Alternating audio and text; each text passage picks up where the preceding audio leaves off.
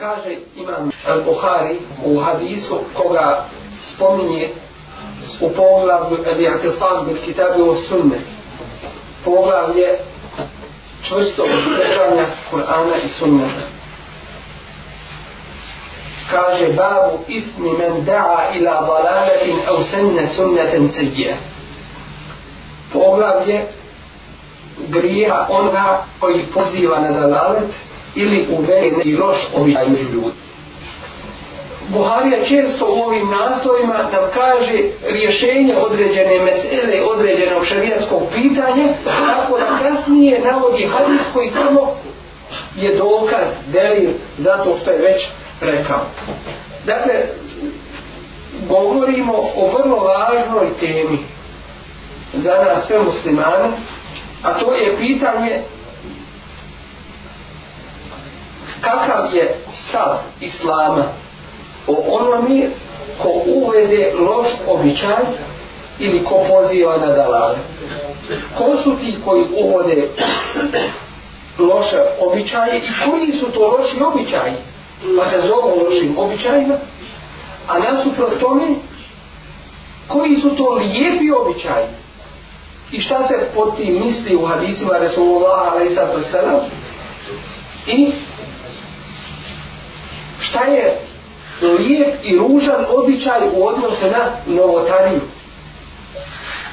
Sve ćemo to inšala ukratko za Allahovom pomoći pojasniti. Kaže imam al-Bukhari, babu ismi men da'a ila dalale. Poglavlje o grijehu onoga ko poziva na krivi put, e usenne sunneten seđije, ili uvede među narod jedan loš običaj li qawli Allahi ta'ala i to po riječima uzvišenog Allaha žel rašanu wa min auzari alladina yudillunahum bi ghayri ilm ovo je dio ajeta koga spominje u sure al al-ankabut i kaže wa min auzari alladina i od tereta onih koji su na krivi put odveli bi ghayri ilm ne znajući iz džehla, iz neznanja. Dakle, nosit će i grijeh onih koji su na krivi put odveli. Zatim kaže u hadisu, broj hadisa 7321. Znači da ćemo sebe do ovoga hadisa da se učimo i ovom jako vode, inša Allah. Kale imamo Buhari, rahimahullah, haddetena el-Humeidiju. Kale haddetena Sufjan. Kale haddetena el-Ameš. عن عبد الله بن مرة عن مسروق عن عبد الله قال قال النبي صلى الله عليه وسلم قال رسول الله عليه الصلاة والسلام ليس من نفس تقتل ظلما إلا كان على ابن آدم الأول كفل منها وربما قال سفيان من دمها لأنه سن القتل أولا kaže u Mehadisu Resulullah alaih sallatu wasalam lejse iz nefsi tuktelu dolbe ko, ko god bude ubijen na ovome svijetu nepravedno zulumom šta znači nepravedno nije šarijatski propisano da bude ubijen a koji je to šarijatski koji su, šta to čini čovjeka da može biti ubijen čovjek musliman šta to čini troje El zina ba'del ihsan. Da zinaluk ne uzubila ne mora, ali počini nakon što je bio oženjen. Ue? Koje je drugo? El tariku li dinihi el mutariku li džemaati. Onaj ko ostavi svoju vjeru i napusti svoj džemat. Džemat muslimana. Misli se, istravan džemat kako treba. I koje je treće? Ko ubije čovjeka bi gajri hak, o katlu nefsim bi gajri hak. U ta tri slučaja dozvoljeno je ubiti muslimana. Ako počini zinalog, nakon ste oženjen, ako je ubio nekoga bi gajri hak i ako je ostavio svoju vjeru. U tom je slučaju ne smatra se zunovom njegovu ubijstvo. I to ubijstvo sprovodi ko? Imamo muslimine halifa muslimana. Dakle, u ovakvim društvima gdje ne vlada islam nije dozvoljeno primjenjivati takvu šarijatsku kaznu od pojedinaca ili od, od grupa muslimana koji ne imaju vlasti.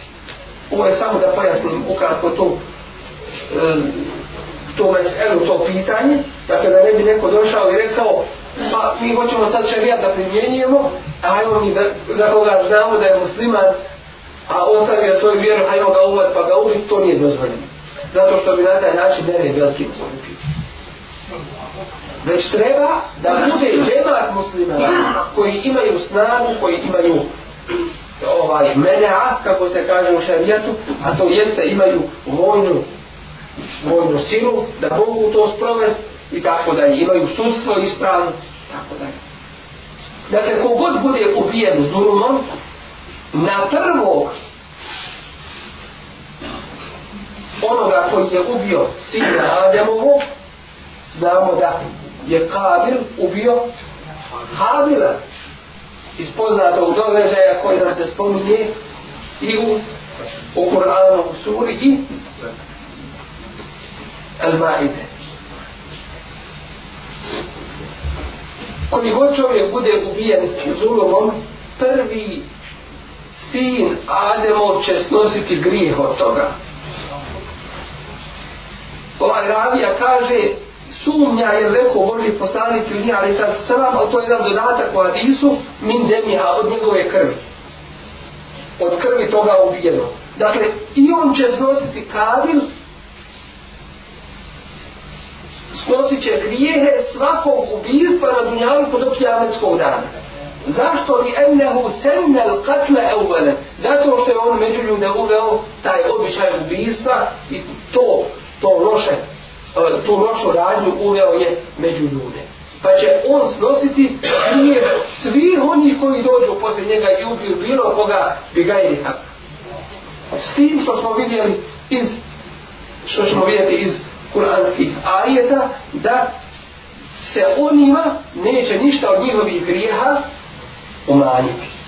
Kaže imam Buharija ovdje u naslovu ovoga poglavlja men da'a ila dalaleti ko bude pozivao ljude na dalale na krivi put a krivi put je sve ono što je mimo Kur'ana i sunneta Resulullahovog alaih sallatu wasallam mišljenje koje je zasnovano na Kur'anu i sunnetu, to jeste kojim se zaključilo nešto iz Kur'anskih ajeta i hadisa, ali sa Allah, ali sa to sram nije da dale. Zašto? Zato što je bazirano na opet na Kur'anu i sunnetu.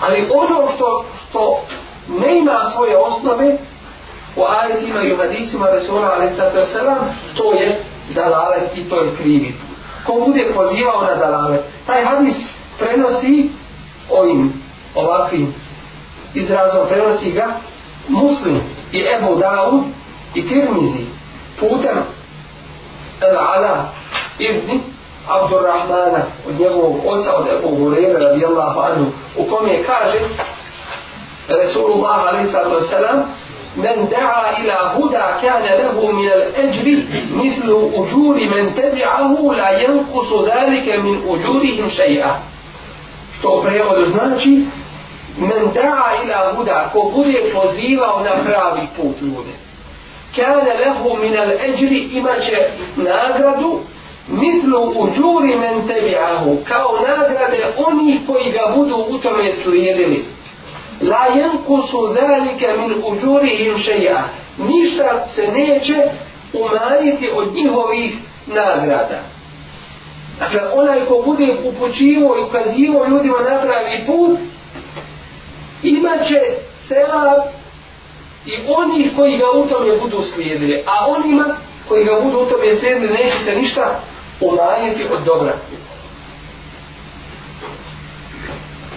وَمَنْ دَعَا إِلَى ضَلَالَةٍ Ako bude pozivao na dalalet i na krivi put, كَانَ عَلَيْهِ مِنَ الْإِثْمِ Nosit će toliki grije, mislo, misle آثَانُ مَنْ تَبِعَهُ kao grijehe oni koji ga budu u tome slijedili, la jankusu velike min atami in šeja.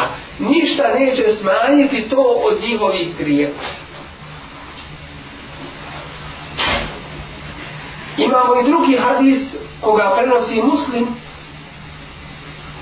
u rivajetu Abdurrahma ibn Hilala od Džerir ibn Abdullaha al-Beđelija u podružen jednom hadisu u kome kaže Rasulullah alaihissalatu wasalam men senne fil islami sunneten hasene ko uvede u islam jedan lijep sunnet oko ovoga izraza sunnet malo ćemo se kasnije pozabaviti فله أجرها وأجر من عمل بها بعده من غير أن ينقص من أجورهم شيئا إما تسرع ذاته ما نagradu za to i nagradu onih koji potom je budu nakon njega radili pazite ovo nakon njega radili i to nećemo obrati kasnije, kasnije pažnju s tim da se njima neće ništa od njihovih nagrada umanjiti وَمَنْ سَنَّ فِي الْإِسْلَامِ سُنَّةً سَيِّئَةً Ako usla, u islam uvede neki loš običaj, kane alejhi vizruha, na njemu će biti grije. Koga? Samog sebe što je to uradio. وَوِزْرُ مَنْ عَمِلَ بِهَا بَعْدَهُ I grijeci oni koji nakon njega budu potom je radili, min gajri an jemu sam ne auzari im šeja. S tim što se njima neće ništa umanjiti od njihovi grijeha. Prenosi ga isto tako putem Munzir ibn Džarira od njegovog oca, s tim što se izraz šeji'en spominje ovdje u nominativu, kaže šeji'en, neće se ništa umanjiti. I isto tako Tirmizi drugim rivajetom prenosi od Džarira ali izrazom men senne sunnete hajri, ko uvede sunnet dobra. Wa men senne sunnete šerrin, i ko uvede sunnet zla. Objavit ćemo što znači sunnet. U osnovi sunnet znači put. Znači nešto što je već neko uradio znači jedan put kojim je već neko prošao. To znači sunnet u jednom jezičkom značenju. I ovdje u ovim hadisima je došlo u tom obliku. U smislu, ko uvede u islam jedan loš sunnet, jedan loš običaj. Dakle, sunnet po ovom značenju, što je neko radio prije, može biti pohvalan, a može biti i i pokuđen. Pa kada se kaže sunnet Resulullah, ali i zato je sada onda je to pohvalno. A kada se kaže sunnet faraona, onda je to pokuđeno. Znači sunnet u jednom jezičkom značenju znači put. Neko je po tome išao, slijediš nekoga tim putem. Pa se kaže to je sunnet nekoga. Čiji je to sunnet? Kaže to je moj sunnet. Dakle, sunnet može biti lijep i može biti ružan koji je lijep sunnet onaj koji je radio Resulullah alaihi salatu selam koji ima svoju osnovu u, u islamu po ovim hadisima možemo shvatiti da onaj ko uvede u islam nešto što je Resulullah alaihi salatu radio dakle u smislu oživi sunnet Resulullah alaihi salatu koji je zabro među ljudima nepoznat kada oživiš taj sunnet, imaš sevap za to i se rade svi oni koji te u tome budu slijedili. Bilo koji od sunneta da su Allah, ali sad to se nam da ga oživiš. I zato je puno važno uzeti i čitati sunnete i biografiju Resulullah, ali sad to se da oživiš nešto njegovog sunneta. I drugo značenje, ko uvede u islam jedan lijep sunnet, to jeste nešto što koristi ljudima da pa ga ljudi u tome budu savijedili. Kao što ćemo vidjeti u hadisu muslima, koji je poduži, a ja ću gledati da vam na samo u prijevodu pročitam, u kome nam pojašnjava ovo pitanje. Kaže od Ebu Amr, dželi vidni Abdullaha, prenosi se da je rekao, U sred bijela dana bili smo kod Allahovog poslanika sallallahu alaihi wa sallam, pa mu dođe jedna grupa ljudi goli i ogrnuti vunenim ogrtačima ili sa abajama od prugastog vunenog platna i sa obješanim sabljama. Bili su većinom, odnosno svi iz plemena Mobar. Vidi se na njemu sirovat, na njima se primjećuje velika, veliki pokaralog, ne i maština. Lica Allahovog poslanika, sallallahu alaihi ve sellem, izmijeni se kada vidje njihovu ne i maštinu. On zatim uđe pa izađe, pa onda naredi Bilalu da prouči ezan. Zatim klanja, pa ustane da održi Bogu utbu i reče, o ljudi, Ja ejuhan nasu tako rabbekum unnevi halakakum min nefsi wahide. Tako je Resul Ali sa sam znao, znao počinjati svoje hudbe. O ljudi, bojte se vašeg gospodara koji vas je stvorio od jednog čovjeka i od njega je stvorio bračnog mu druga. وبث منهما رجالا كثيرا ونساء يبني ذوي بنوكي ljude i žene rasprostranio. Od takvu mladi ta sa eluna biti i bojte se Allaha čim imenom jedni druge dozivate od arham i čuvajte rodbinske veze i nemojte ih kidati. Inna Allaha kane bikum rahima, rakiba, Allaha zaista osmatra i stanu na dono di. Ovo je prvi ajti sure Enisa. Kad je proučio taj ajti Rasulullah proučio ajet iz sure Al-Hashr, 18. ajet. Ja i on ladina amanu taku Allahe wal tamhur nefsu ma kaddem kligad. O vjernici, bojte se Allaha, nek svaka osoba osmotri šta je spremila za sutra. Zatim kaže, neka dijeli čovjek od svojih dinara, od svojih zlatnika i dirhema, srebrenjaka, od svoje odjeće, od sata, to je jedna mjera, pšenice, od jednog saha su i gurmi. Pa reče, makar i polovinu gurme neka čovjek dadne. Dođe jedan čovjek od Ensarija sa zavežljajem toliko teškim da su mu ruke iz nemoga. Prvi dođe. Ovdje je šahid, ovo hoćemo da istakne u ome hadisu.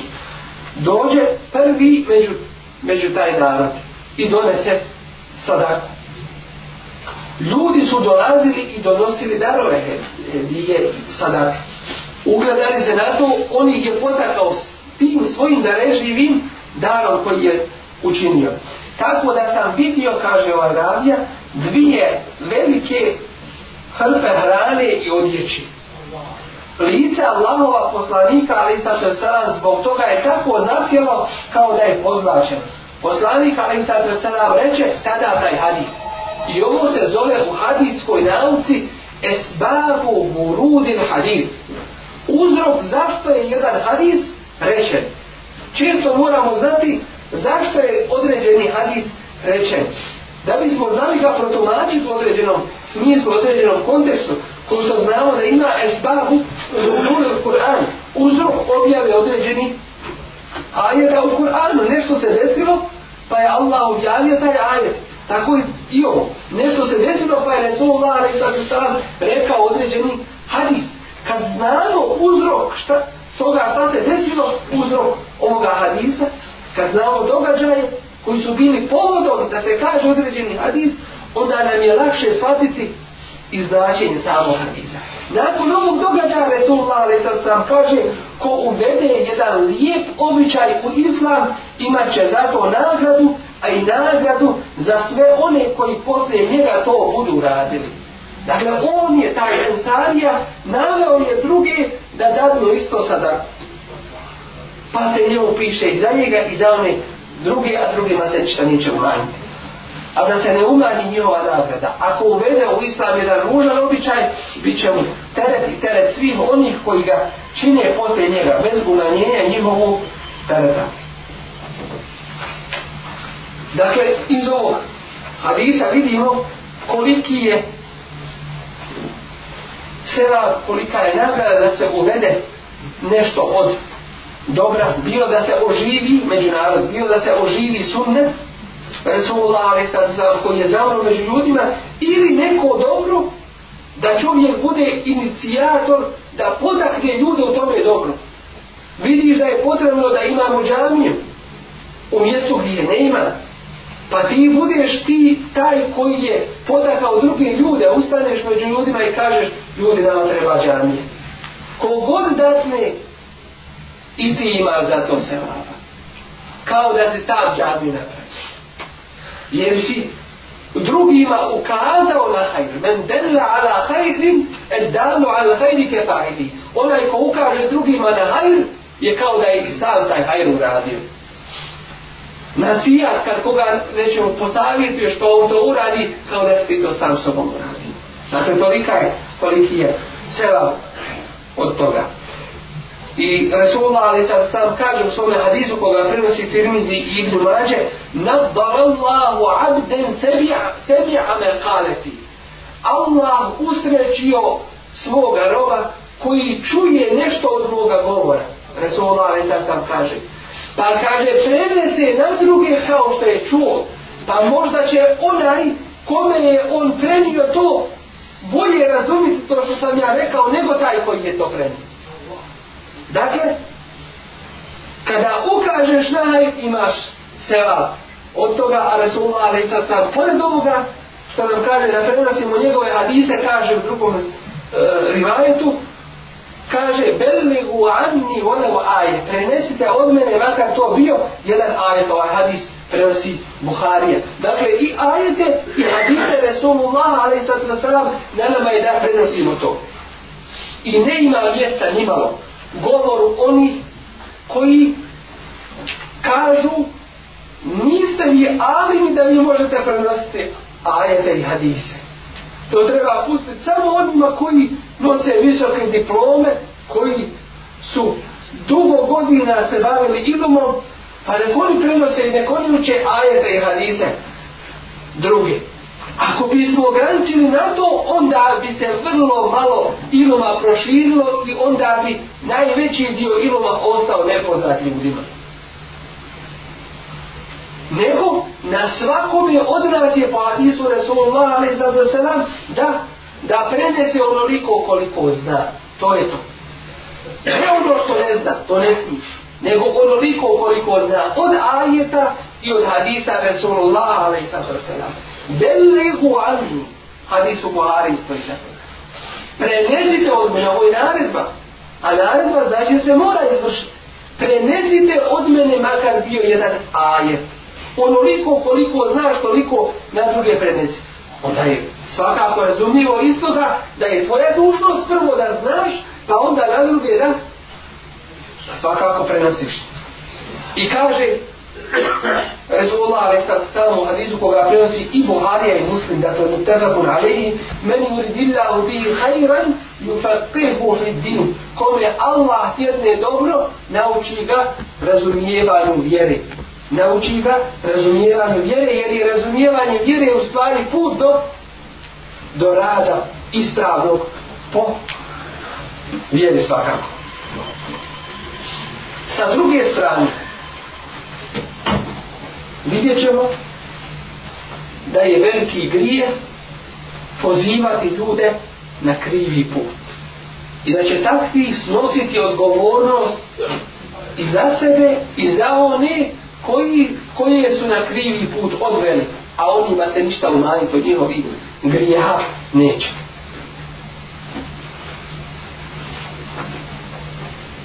Kaže Resulullah, ali sad u hadisu koga prenosi Darimi i Ebu Dawud i koji je Hasan dobre predaje dobrog sedada kaže men efta bi gajri ilmin kane ismuhu ala men efta ko dadne petvu i dadne neko šarijatsko rješenje bi gajri ilm bez znanja kane ismuhu ala men eftahu grijeh je na onoga komu je dao tu fetvu i komu je to odobrio komu je to ođajezio i komu je dao takvo rješenje. وَمَنْ أَشَارَ عَلَىٰ أَخِيهِ بِأَمْرِ Ako ukaže svome bratu muslimanu na nešto, يَعْلَمُ أَنَّ الرُّشْدَ فِي غَيْرِهِ znajući da je ispravno i bolje u nečemu drugom, a ne u tome što mu on govori, فَكَدْ خَالَهُ on ga je izdao. On ga je prevario, on ga je obmanuo i, i izdao. Pogledajmo u suri El Ankebut, u ajetu koji smo malo precitirali.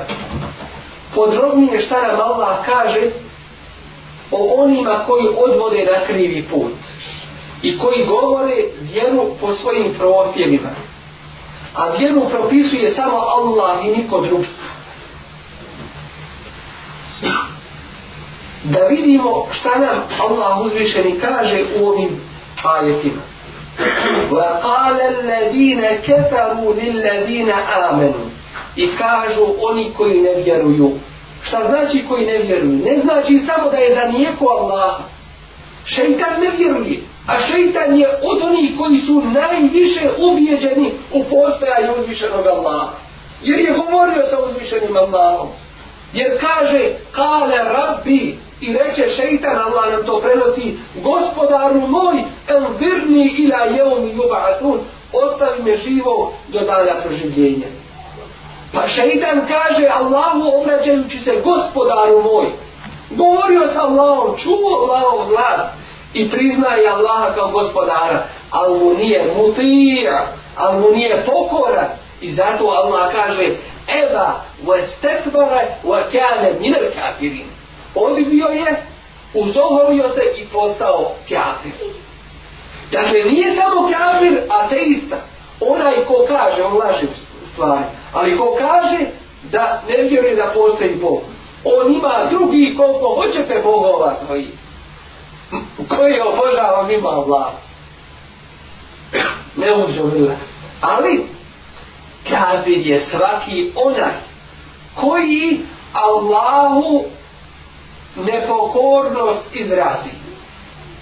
Bilo da kaže, bilo u vjerovanju, bilo u radu. Nekada čovjek može reći, ja vjerujem Allah i prihvatam sve. Ali ja sam ne uzubila, ono, on asija Allahu. Kao što su židovi rekli, وَقَالُوا سَمِعْنَا وَعَصَيْنَا i rekoše, čuli smo, dakle, mi znamo da je to da vlam, ali smo acije, ali nećemo Allah za jedan da uzubila. To su reči. Dakle, oni vjeruju da ima Allah, ali nije vjerovanje samo u, u shvatanju da ima Allah i samo u znanju, već je vjerovanje i u znanju, i u prihvatanju, i u pokornosti. Jer ako tvoje vjerovanje neće te dovesti do pokornosti, onda znači da je to lažno vjerovanje, da je to vjerovanje samo na jeziku i zato Allah kaže je kulune bi efuahihi ili je kulune bi elsinetihim. Oni govore svojim ustima ili govore svojim jezicima. Da može čovjek nečim govoriti drugim osim jezikom i ustima. Allah nam takvim izrazom kaže, govore svojim jezicima i svojim ustima, što znači to ne ima svoje osnove u u stvarnosti. To je njihova, što mi kažemo, isprazna priča. Priča iza koje ništa ne stoji, ništa ne vrijedi kod Allah. Dakle, mora biti uz iman u, iman u srcu, riječi mora biti i, i amel, moraju biti i djela. Kažu oni koji su zanijekali Allah, ili su mu nepokorni, ili su ili mijenjaju Allahu vjeru lilladine amenu kažu vjernicima pazite sad a ko su vjernici rekli smo da nisu vjernici samo koji kažu mi vjerujemo nego i oni koji se Allahu pokoravaju pogledajte ovo je jedan od vrsta i načina kako pokušavaju na krivi put odvesti ljude kažu vjernicima i tebi ovu se vilena slijedite vi naš put slijedite mi ovo što mi, što mi vama kažemo. Wal nahmil hatajakum. A mi ćemo ponijeti vaše grijehe. Drugim riječima kažu, budite sigurni, ako ima u tome kakva grija, mi na sebe to smićemo i mi na, tebe, na sebe to snosimo sve te grije. Pogledajte laži i te davne. Ako je u tome kak, kakav grije, neke na nas grije, tako govori i dan danas. I govorit će dok ja ne skodam. Zašto ako je kriv? Zar smo mi edalu ne uzobila kao hršćani koji su zalutali? Pa ne znamo šta je grijeh, a šta nije grijeh. El halalu bejin, wal haramu bejin. I halal i haram je jasan. Allah je dao tvojoj duši ono kako možeš primijetiti, jer valja i ne valja. Kako? Kako? ma hake fi nefsike wa hifte en jartalja alejdi nas. To ti je Resulullah ali sad se sam kazao. To ti je on rekao i objasnio da imaš pravilo za cijeli svoj život. Ne imaš ti i mnogi, ne imaju vremena ove knjige obimne. Fikha da uzmu. Često ne imaju prilike ni da u nemu pitaju. Kako ćeš znat da je nešto grije, da je nešto haram, ne smije, da ne valja? Kako ćeš to znati? Ono što ti ne da mira i bojiš se da te ljudi vidi da to radiš. Nisi rad kad to radiš. Vrati se sebi, sam sebe upitaj. Pa ja to. Krije se kad to radiš. Ne odi da te, da te svijet vidi. Odmah ima nešto. A onaj, a ima ima oni stvari u kojima je šubav u kojima je sumnja, je li ili nije. Ko uđe u takve stvari koje su sumnjive, sigurno će pasti u haram. Kao onaj koji čuva oko ograde. Svaki čas može njegovo stado upasti unutra. Može zijan, otiću zijan. Zašto se tome u osnovi približavati? Dakle, musliman se mora čuvati i i šubhi i onoga u čemu leži sumnja. Nisi siguran, je li bolje ovo ili ono, bolje ostati. Sačuvat će svoju vjeru. Fekad iz tebre evi dini i va evri, kaže Rasulullah Ali Zatu A ovo je četiri hadisa na kojima islam leži cijeli. Sačuvao je takav, ko, ko se bude klonio šubi i sumnjivi strani, sačuvao je dini i svoju vjeru, ve irdi i svoj čas, svoj obraz. Pazite da nastavimo ovaj ajet. Oni govore mu'minima, slijedite vi naš put, a mi ćemo grijehe vaše snositi. وَمَا هُمْ بِحَامِلِينَ مِنْ خَطَايَاهُمْ مِنْ شَيْءٍ Ništa oni neće, to jeste na kijameskom danu, htjeti ponijeti od njihovih grijeha, jer će se oni o sebi zabaviti na kijametskom danu. E, Innehum lekadi bun, oni su samo veliki lažovi. Wala jahmilunne eskalehum, ali Allah će dati, Allah će ih natovariti. Eskalehum, njihovim krijesima i njihovim tovarima, wa eskalem mea eskalihim. I drugim i drugim teretima uz one koje oni i onako nosi. وَلَا يُسْأَلُنَّ يَوْمَ الْقِيَامَ A sigurno će biti pitani na kijametskom danu amma kanu jeftarun o onome što su iftiru donosili i govorili to jeste što su lagali na uzvišenog Allaha Đelešana. A kakav je hukum takvi? Šta Allah kaže za takve koji mijenjaju Allahovu vjeru i olako drže do Allahove vjere i krivo je tumače inne lelina jeftaruna ala Allahi kedibe la yuflihun oni koji izmišljaju lažna Allaha nikad uspjet neće mu feseri kažu nikad iz džehennema izaći neće i nikada u džennet ući neće la yuflihun koji budu na krivi put odvodili i koji budu ljudima krivo govorili. Ne samo to, je jedna napomena vrlo važna u ovome svemu. A to je, nekada čovjek ne tumači krivo, ali učestvuje u tuđem dalaletu. Neko će postaviti pitanje, kako ja mogu biti odgovoran za nešto što nisam uradio? da li će čovjek biti pitan za nešto što nije uradio? Hoćeš, bit ćeš pitan za nešto što nisi uradio ako si to trebao uraditi. I ako si to bio dužan uraditi. I zato svako ko zna, ne samo ulema, ne samo učeni, već i oni koji su naučeni, onoliko koliko su naučeni, dužni su prenijeti na druge. Jer ako budeš šutio i ne budeš tumačio Allahu vjeru, onda gdje si pozvan i dužan da ih objasniš ljudima, pa ljudi budu krivo radili i ti snosiš njihov kriv. Jer si učestvovao u njihovom dalaletu. Šta je za to deli? Šta je za to dokaz? Kur'an uzvišen. Kur'anski ajet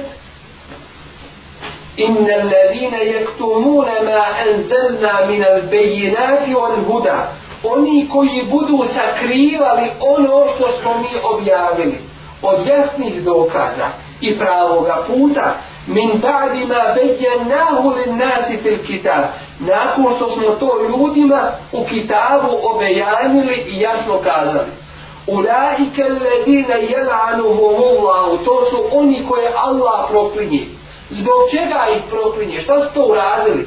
Zato što su šutili. Zato što nisu objašnjavali istinu. Jer ova vjera je veliki emanet. وَيَلْعَنُهُمُ الْلَعِنُونَ I proklinju li svi oni koji mogu da proklinju. إِلَّا الَّذِينَ تَعْبُوا Osim oni koji te obje dođu, pokaju se. وَأَصْلَحُوا I poprave svoja djela. وَبَيَّنُوا i ljudima obejane i kažu, izađu predsjedni i kažu ovo je istina, nije ono što sam prije govorio ili što sam šutio. Ta ulajka je tu bo ali ima dva kaže, takvima ću ja to doći i prijavati njihovo pokajanje. Dakle, nekada čovjek može učestvovati u tuđem dalaletu svojom šutnjom, jer vidimo u hadisima Resulullah alaih sallam da su njegove riječi, njegova djela i njegova šutnja isto tako šarijatski dokaz. Ako je vidio da se nešto radi, a ušutio. Znači, kaže Ulema, to je svojom šutnjom Boži poslanik, ali sad sam odobrio. I tako i kod nas. Kad neko u našem društvu nešto uradi, a mi ušutimo, na tome, onda će neko doći i reći, e, taj i taj uradio u društvu toga i toga, a on nije ništa rekao. Znači je to u redu. A on je učeniji od toga i tako da je. Ili, ko što će neki reći, pa gdje je do sada ulema bila? Što do sada ulema to nije objašnjavala? Šta je sa, sa ulemom koji su bili prije? Objašnjavala je ulema. I ako otvorimo kitabe, vidjet ćemo da su o svemu i svačemu govorili. Samo što se nastojalo i nastoji od strane neki da se pokrije to. Da se, da se ne zna za to. Da se ljudi zavoje drugim pitanjima i drugačijim poslovima. A onaj, alhamdulillah, ko se na Allahovom putu potrudi, ko bude uzrokom nečije upute sa druge strane, imaće zasigurno nagradu za to i za sebe i za druge koji su ga u tome stigli. Pogledajmo kuranski ajet u kome Allah uvježeni kaže u sura At-Tur, ajet 21. وَالَّذِينَ آمَنُوا I oni koji budu vjerovani. وَاتَّبَعَتْهُمْ ذُرِّيَّتُهُمْ بِهِمَانِ Svakako je Andri dobra vjera i budu ih njihove porodice, njihova djeca budu ih slijedili u tome imanu elhakna bihim zurrijetehu. Mi ćemo im prizružiti njihov porod, njihovu djecu. Wama eletnahum min amelihim min šeji. A njihova djela nećemo nimalo umanjiti. Šta to znači? Ako si i ti i tvoje dijete od dženetlija. Ali svakako da znamo da sve što si uradio na Dunjaluku, da za sve to od dobra ima nagrada na Ahiretu. Pa ako si jedan put la ilaha illallah rekao više nego tvoj sin ili tvoje dijete, bit ćeš na većem stepenu nego on. A ti bi volio da je tvoje dijete s tobom. Da Allah daje da, da budu tebi pridruženi. Ona eletna u min amali im lče, a neće se ništa umaliti od tvojih dijela. Božja blagodat jer si bio uzrokom u njihovom imanu, u njihovom vjerovanju. Pa će vas Allah sastaviti u džennetu na onom većim stepenu. A neće se nikome ništa oduzeti. A ono me ne uzubilo, ako je u dalaletu učestvovalo, on će snositi i svoje grijehe i grijehe oni koji je zavelo bez znanja. Da još malo objasnimo šta znači su, lije, e, e, loš sunnet. Šta to znači? To znači uvesti nešto među ljudima od običaja što je loše. Kao što smo vidjeli da će snositi grije svih ubistava zulomom koja, koja će biti učila njena do kijametskog dana snosit će ih ko? Onaj Ademo ali selam, sin koji je prvi ubio. Dakle, ko uvede neki loš adep među ljude?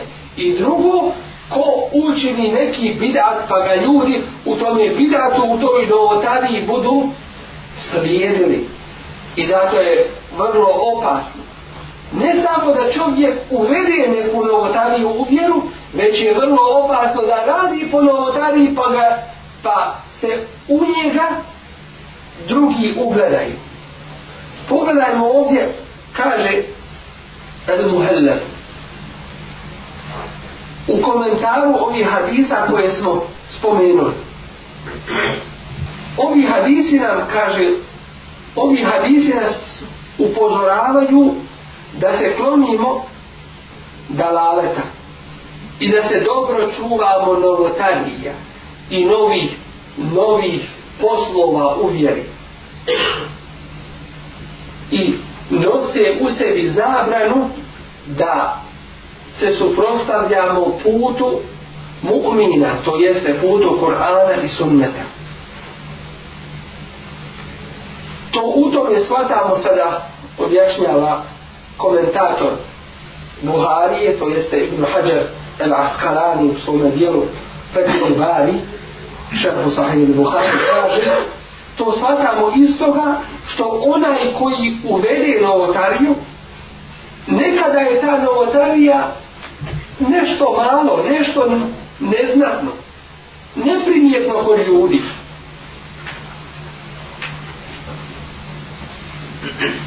On i ne osjeća opasnost toga, ali ono što dolazi iza toga što će ljudi na to nadodati, puno je veće. Pa će do njega doći krije svi oni koji su kasnije radili po tome jer je on bio osnivač toga dalaleta i toga krivog puta. Makar to se ne radilo, makar on ne radio po tome, ali je bio osnovao tu novotariju. Makar to bilo svakako i nakon njegovog života. Dakle, čovjek se mora kontrolisati i paziti u svome životu gledati šta radi, jer ono što uzrokuje bilo od hajra i, ili od šerra, od dobra ili zla, nosit će i za to ili seva ili ne daj Bože kaznu.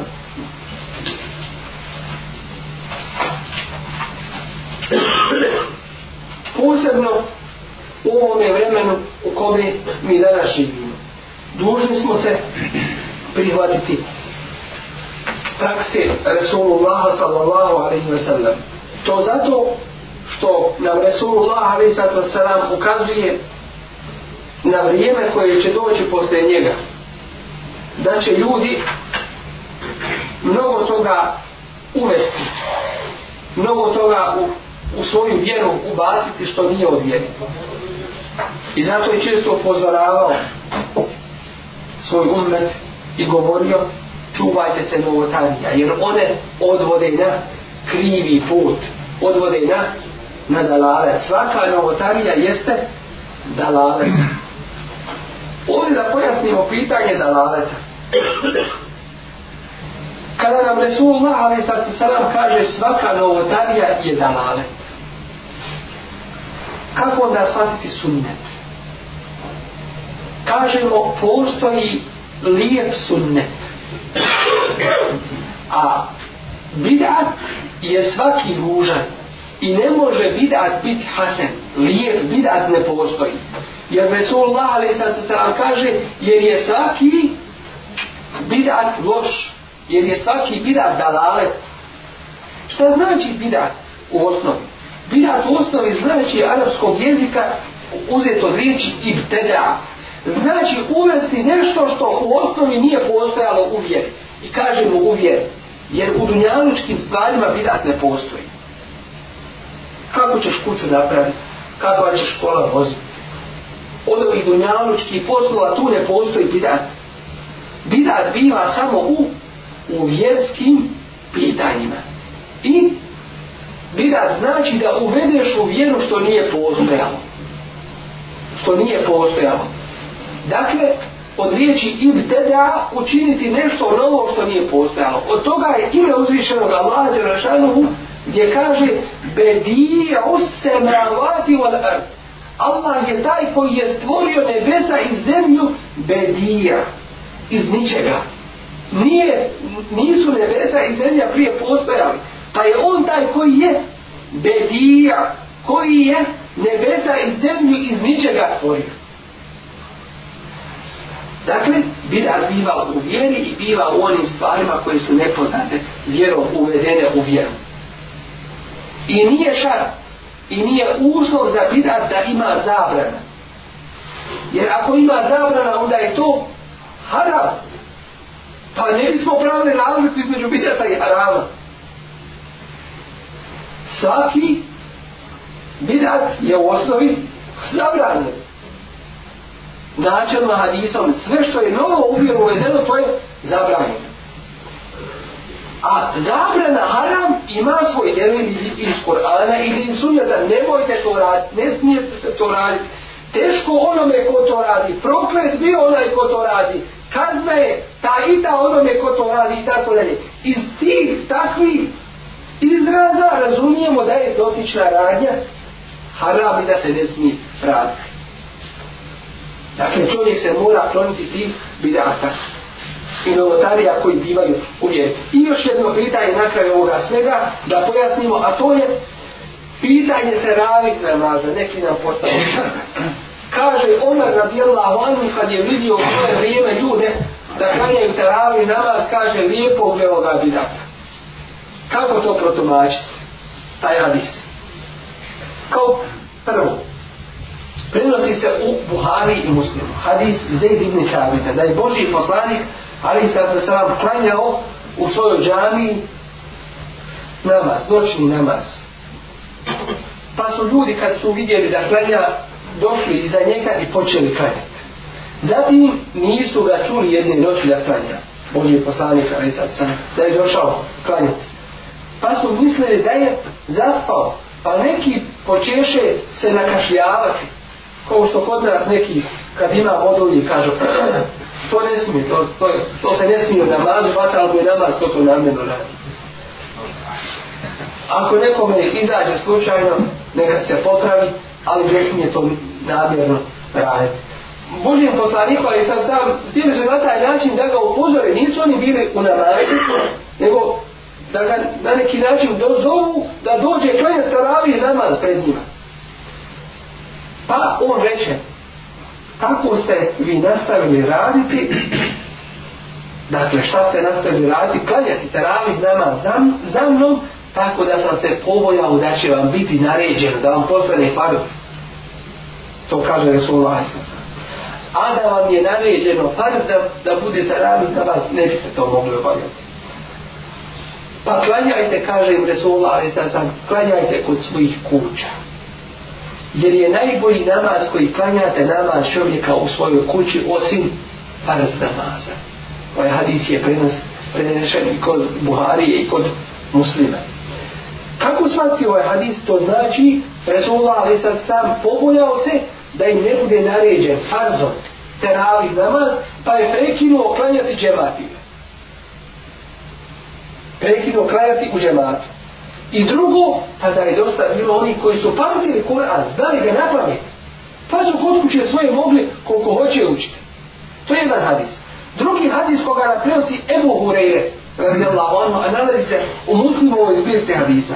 Kaže, Resulullah sallallahu alaihi ve sellem potpicao je ljude da klanjaju uz Ramazan noćni namaz, ali im nije naređivao, strogo naređivao. Pa bi govorio, ko bude namaz klanjao na večer uz Ramazan, vjerujući Allaha,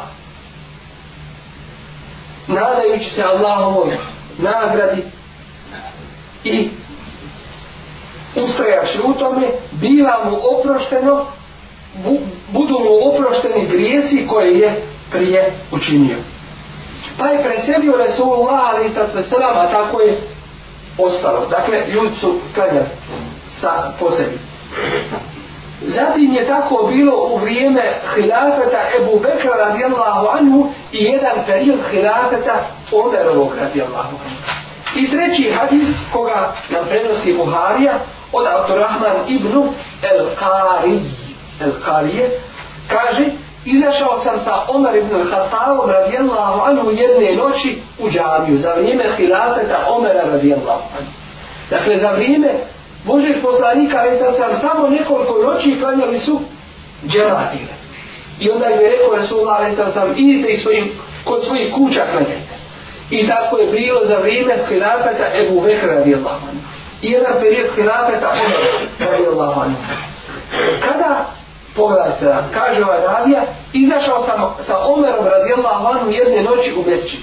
Kad ljudi u grupama klanjaju čovjek klanja sam po sebi, čovjek klanja za njim nekoliko ljudi i tako dalje, pa reče Omer da sakupim ove ljude za jednim učačem bilo bi bolje zatim je tako i odlučio i sakupio ih za Ubej ibn Kavo o, njega je odredio da im bude imam u tome namazu zatim reče zatim sam izašao bravo sa njim sam izašao kaže uh, Abdurrahman ibn Kari izašao sam sa Omerom radijallahu anhu jedne druge noći kad ljudi klanjaju za jednim učačem, za Ubej ibn Kabom.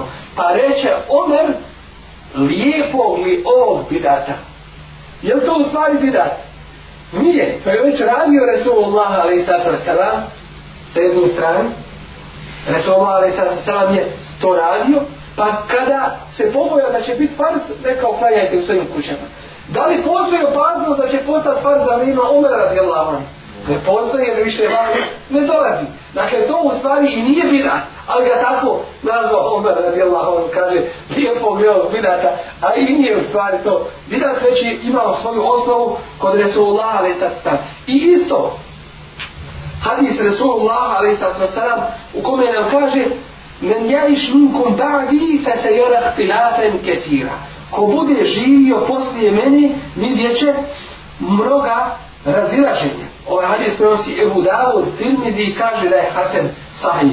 Alejkum bi sunneti, držite se mog sunneta, wa sunneti l'hulefa ir rašidin, i držite se sunneta i prakse hulefa ir rašidina. To je to je prve četvrce halifa, jer nam u drugim hadizima Rasulullah Ali Sad pojašnjava koliko će oni vladati. Tako da znamo da ono što oni budu radili to je i od sunneta Resulullah a.s. Držite se mog sunneta i sunneta Hulefa ir Rašidin il Mehdiyine min Ba'di upućeni halifa nakon mene. Addu alaiha bin nevajib prihvatite se ti sunneta čvrsto kao da ste zubima očnjacima i zagrizli. Ne smijete ih pustiti. وإياكم ومحدثات الأمور أدورة تشوفات نبي إسلام أبيري فإن كل محدثة بدعة يعني ساك كانوا تاريا بدعة وكل بدعة ضلالة أساكي بدعة ساك نوا ستوار ساك نوا رادي أبيري توي ضلالة يودي نقري لفوت كاكو مودي نقري لفوت موجد يوتوي بريمة تو نزلتنا نية توليكو za tebe bitno nešto si malo uradio, ali ljudi na to dodaju toliko da, da se to puno proširi. Nameću vam ovdje jedan događaj za vrijeme jednog od ashaba. Šta ovo da ne nađemo ovdje ovdje?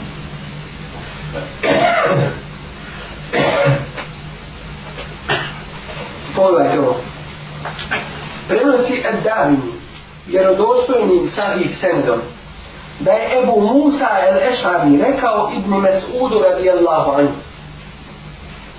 vidio sam u džami ljude kako sjede u halkama i iščekuju namaz i šta loše šta dalje radi u svakoj halki nalazi se po jedan čovjek a u rukama su im kamenčići pa on govori učite tekbir, veličajte Allah, Allahu Ekber, stotinu puta, pa oni stotinu puta kažu Allahu Ekber.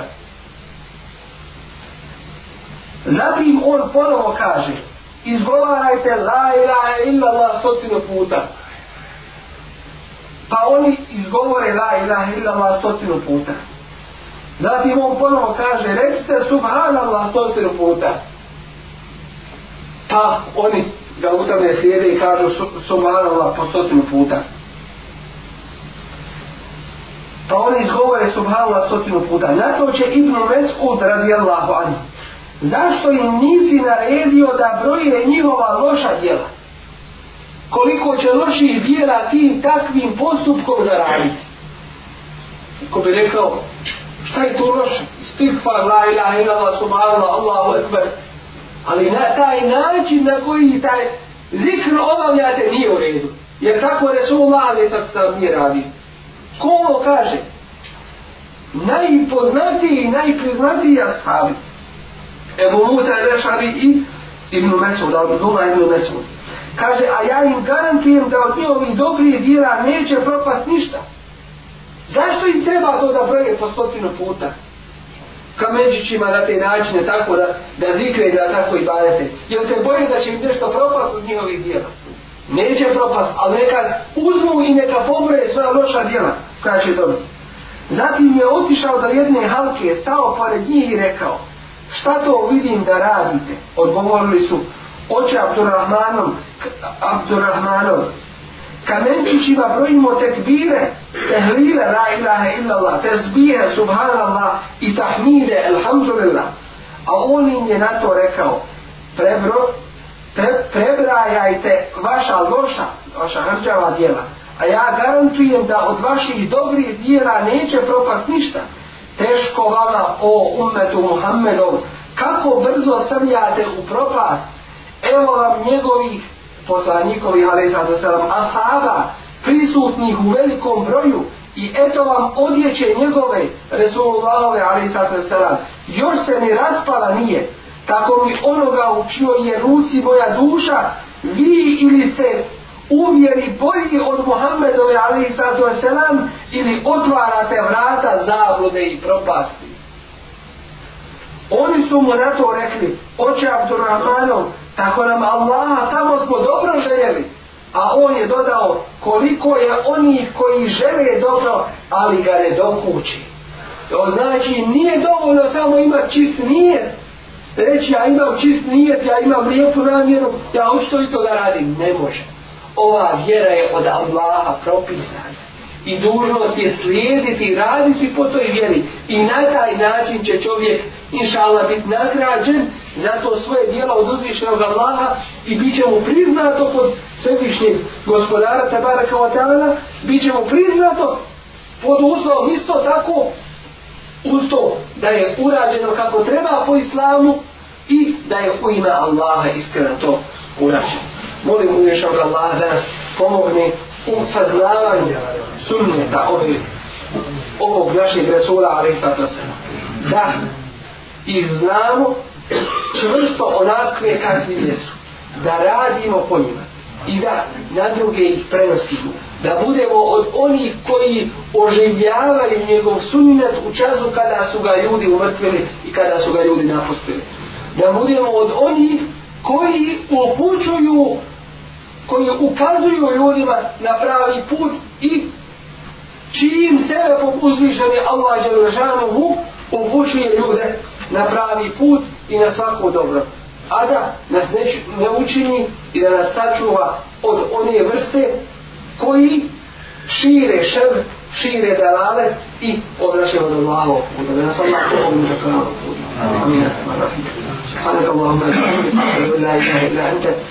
Estagfiru kratu.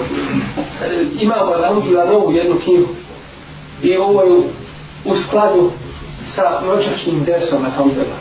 Kad je od nekoga hajir, hajir je i kad je tu i kada ga, kad ga nema među nama. Vi znate našeg brata Ebu Muhammeda, da Allah nagraje svakim dobro, on nije tu prisuta, pa možemo govoriti, ramla, ovaj nije dozvoljno nekoga u lice ovaj, hvaliti, posebno. Alhamdulillah, Hajd je i nakon njegovog odlaska, ali kažemo privremenog odlaska, opet ostao iza njega, a to je Alhamdulillah što je uzao jednu knjigu i preveo. Ona je izašla i ja sam je sada dumio ovdje kod vas da šala bude vama, ovaj, da vama bude predoćena i da vam se podijeli. To je knjiga koja govori o, o osnovama imana, o osnovama islama, kako ćeš klanjati, kako ćeš postiti, kako ćeš zeke davati, hađ obaviti. Kako ćeš biti u islamu, a sve kroz delire, sve kroz dokaz. Iz Kur'ana i Sunne. Ova vraća koja se dole za Allah, hajde, bijela mi je ta knjiga da, da ju predstavimo.